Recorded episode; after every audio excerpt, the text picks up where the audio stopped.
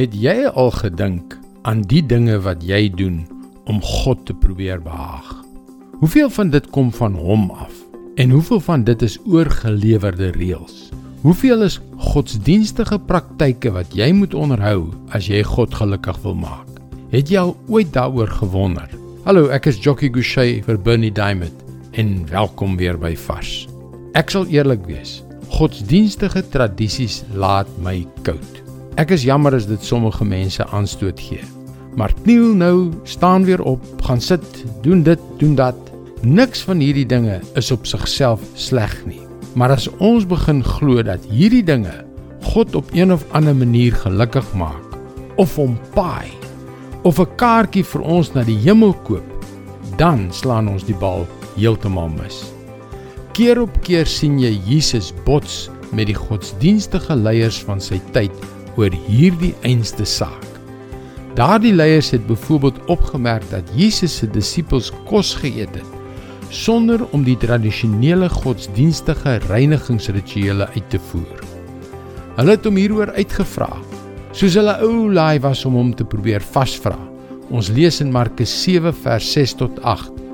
Hy antwoord hulle: Die profeet Jesaja het julle mooi opgesom. Julle is skynheiliges soos daar geskrywe staan: Hierdie volk eer my met hulle mond, maar hulle hart is ver van my af. Dit help niks dat hulle my probeer dien deur leerstellings van mense as gebooie van God voor te hou nie. Julle laat die gebod van God los en hou aan die oorgelewerde gebruik van mense vas. Weet jy dat daar baie dinge is wat ons geleer is om te doen om oënskynlik vir God te behaag?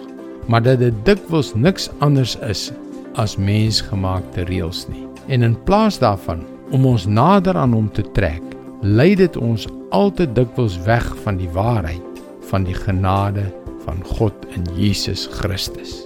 Daar is op sigself niks verkeerd met tradisies nie, maar ons moet nooit dink dat dit die weg na God is nie. Daar is net een manier en dit is deur Jesus. Dit is God se woord vars vir jou vandag. Die beste manier om God se wil te leer ken is om hom direk vanuit sy woord in jou hart te laat praat. Jy kan ook daagliks boodskappe soos hierdie per e-pos ontvang. Gaan na ons webwerf varsvandag.co.za en teken in. Jy kan ook na vorige boodskappe luister of dit daar lees. Luister weer môre na jou gunstelingstasie vir nog 'n boodskap van Bernie Diamond. Seënwense en mooi loop.